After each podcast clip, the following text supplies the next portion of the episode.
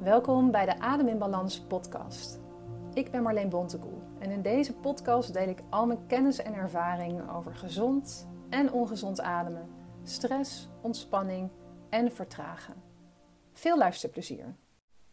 In deze allereerste aflevering van de Adem in Balans podcast wil ik het graag hebben over de verschillende vormen en de verschillende doelen van ademcoaching.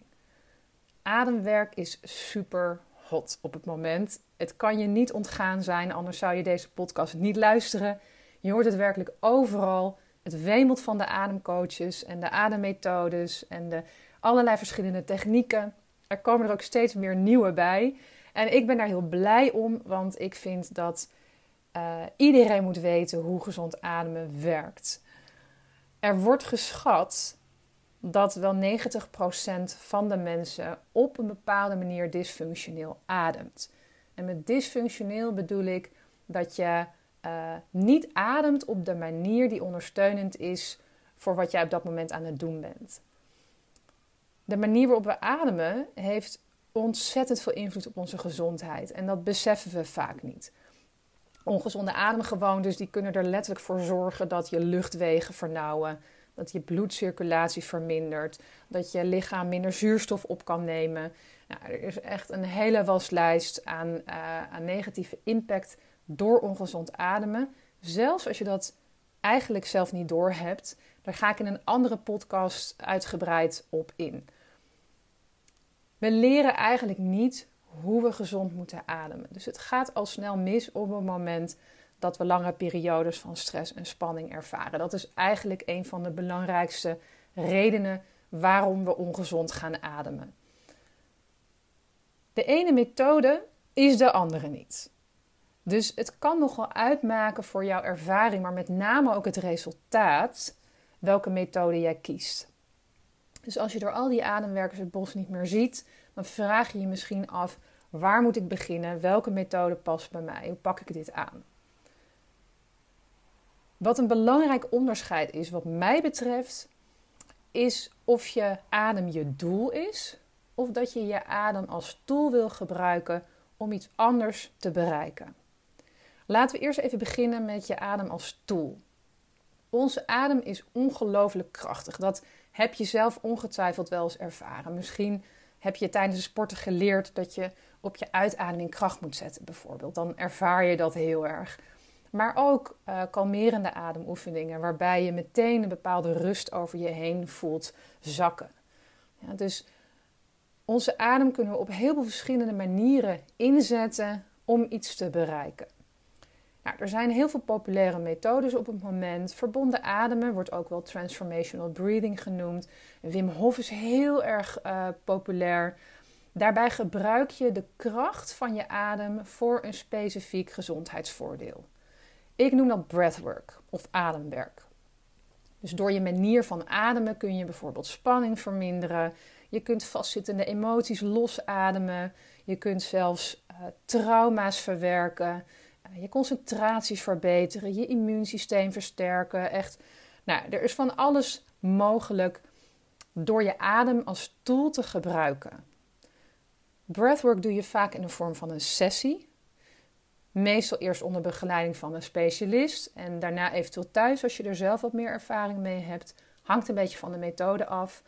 En het doel is om je met bepaalde oefeningen en technieken tijdens of dan direct na het oefenen je meteen beter te voelen. En als je die oefeningen dan wat vaker doet, dan kun je er ook op lange termijn de effecten van ervaren. Heb je nou moeite met ademen gedurende de dag? Dus lukt het niet om je adem ontspannen te uh, houden? Moet je er te veel over nadenken? Zit je adem te veel in je borst? Voel je je vaak benauwd? Heb je last van tintelingen of uh, zelfs serieuzere luchtwegklachten, zoals bijvoorbeeld astma? Dan betekent dat dat jouw natuurlijke manier van ademen verstoord is en dat je je lichaam eigenlijk als het ware weer opnieuw moet leren ademen. Dus leren ademen zoals het eigenlijk bedoeld is zonder dat je bijna hoeft te denken. Dan is je adem je doel. Dus je wil je ademgewoontes verbeteren. In dat geval heeft het niet zoveel nut om in zo'n sessie te gaan liggen ademen. Zo'n sessie waarbij je misschien wel bewust gaat hyperventileren leren in en uitademen door je mond, bijvoorbeeld. wat ik dus net al vertelde, je kunt daar heel veel voordelen uit halen. Ehm, maar dat, daarmee leer je niet gezond te ademen. Ik ben super lang op zoek geweest naar een therapievorm of een manier of een ademcoach die mij daar kon begeleiden. Omdat ik zelf lang last heb gehad van chronische hyperventilatie. Alle klachten die ik net noemde heb ik zo'n beetje zelf ook ervaren. En ik ben in heel veel verschillende sessies beland. Dat waren allemaal hele mooie sessies. Fantastische ademcoaches heb ik mogen ontmoeten.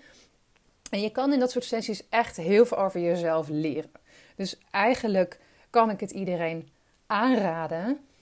Echter, op het moment dat jij ademproblemen hebt, op het moment dat jij chronisch hyperventileert en je adem dus eigenlijk niet op orde is, dan kunnen dit soort sessies je klachten eigenlijk alleen maar verergeren.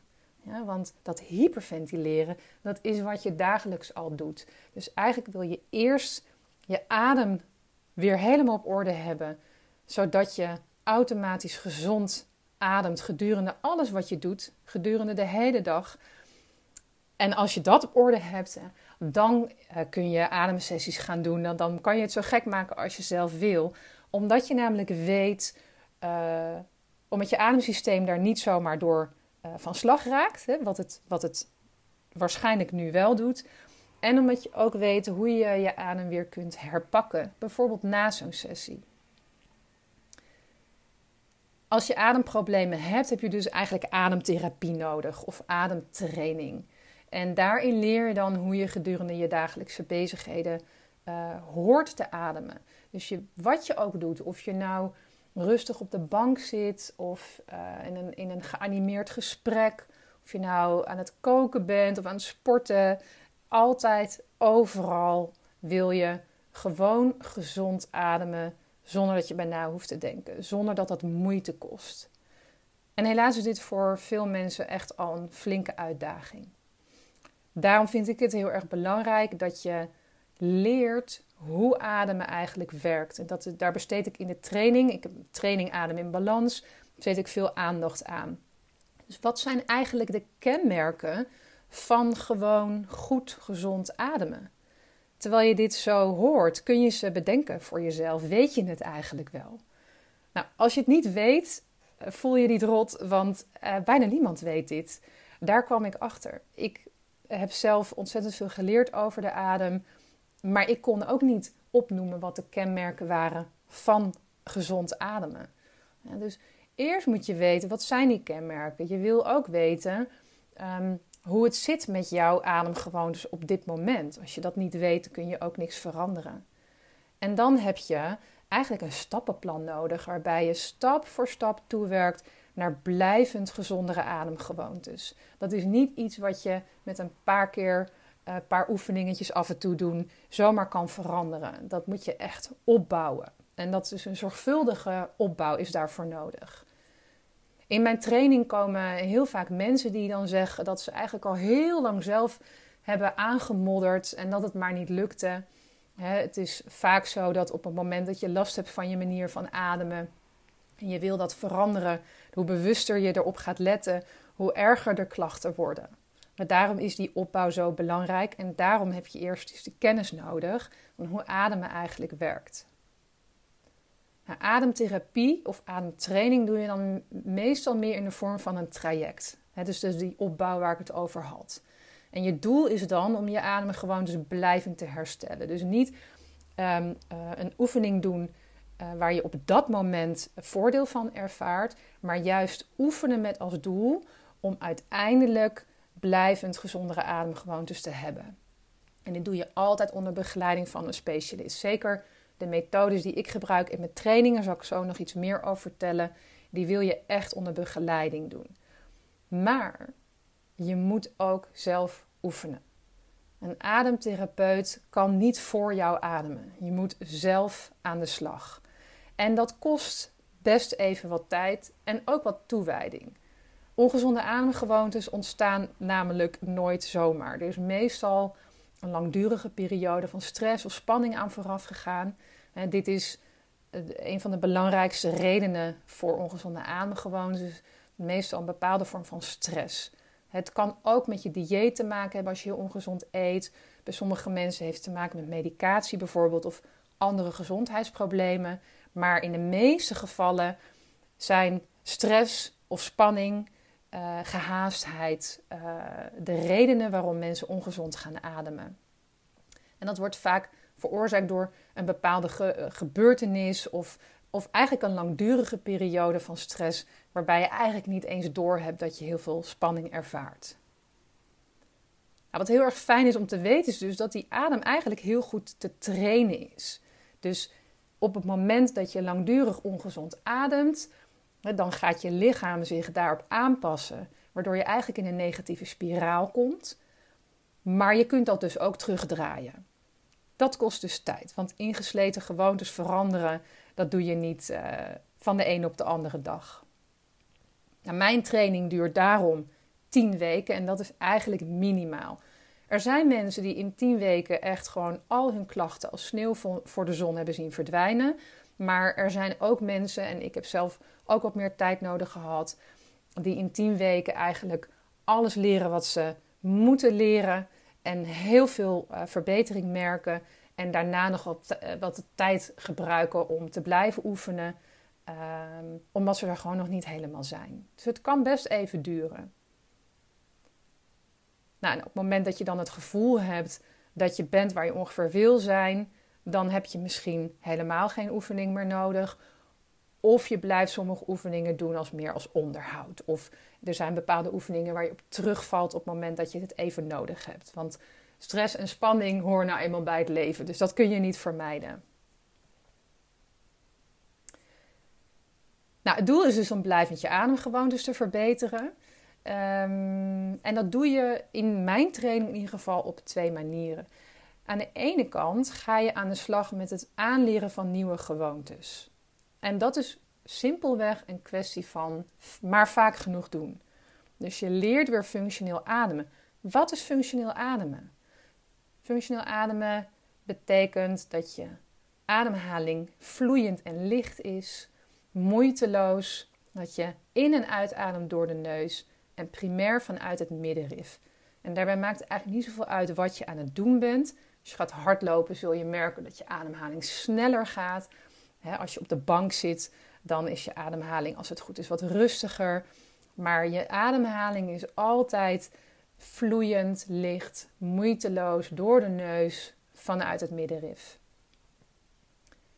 En wat ik al zei, dat, dat bereik je met bepaalde oefeningen, die ik dan dus in de training ook geef, door uh, dat maar vaak genoeg te doen. Dus op het moment dat je hier naar luistert en je merkt, uh, je weet van jezelf dat je veel uh, vaak door je mond ademt, ga jezelf aanleren om vaker door je neus te ademen. Dat is al de oefening. Zo vaak mogelijk. Eerst in rust, daarna ook in beweging terwijl je aan het wandelen bent of op de fiets. Merk je dat je neus snel verstopt raakt. Hou een zakdoekje bij de hand. Hou je luchtwegen vrij. En dan zul je merken hoe vaker je het doet, hoe makkelijker het gaat. Dit geldt ook voor middenrif ademen, voor het vloeiende ademen. Dus een oefening, constant blijven oefenen. De tweede manier is om de uitwisseling tussen twee hele belangrijke gassen te gaan resetten. Die gassen zijn zuurstof en koolstofdioxide. Op het moment dat je inademt, haalt je lichaam, je longen halen uh, zuurstof uit de lucht die je inademt. En wat de meeste mensen ook wel weten is op het moment dat je uitademt, dan adem je koolstofdioxide weer uit. Wat heel veel mensen niet weten is dat koolstofdioxide niet alleen een afvalproduct is. dat denken we omdat we het uitademen. Maar koolstofdioxide is essentieel voor je lichaam om zuurstof op te kunnen nemen. Dus in het hele ademproces ontstaat koolstofdioxide. En koolstofdioxide zorgt ervoor dat de zuurstof ook werkelijk vanuit je bloed aan de cellen afgegeven kan worden. Op het moment dat je te veel ademt, en dat gebeurt bij stress en spanning, dus als je in een fight or flight eh, reactie zit in je lichaam, maar bijvoorbeeld ook, weet je, op het moment dat je de trap op bent gereisd of een sprintje hebt getrokken voor de tram of aan het hardlopen bent, dan gaat je ademhaling versnellen En dan adem je heel veel koolstofdioxide uit. Nou, als dat daarna weer hersteld wordt, is dat eigenlijk niet zo'n probleem. Hè? Want die momenten horen er nou eenmaal bij ons leven. Ons lichaam kan heel vaak zichzelf weer heel goed herstellen. Naar die rust, naar die rest and digest modus.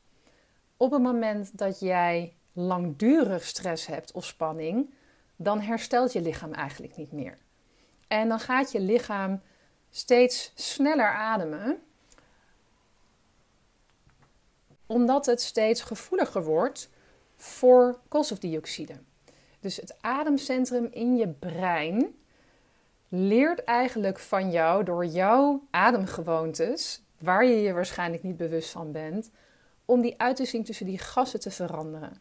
En daardoor wordt je lichaam steeds gevoeliger voor koolstofdioxide in je lichaam, waardoor je lichaam eigenlijk steeds meer wil ademen om die koolstofdioxide kwijt te raken.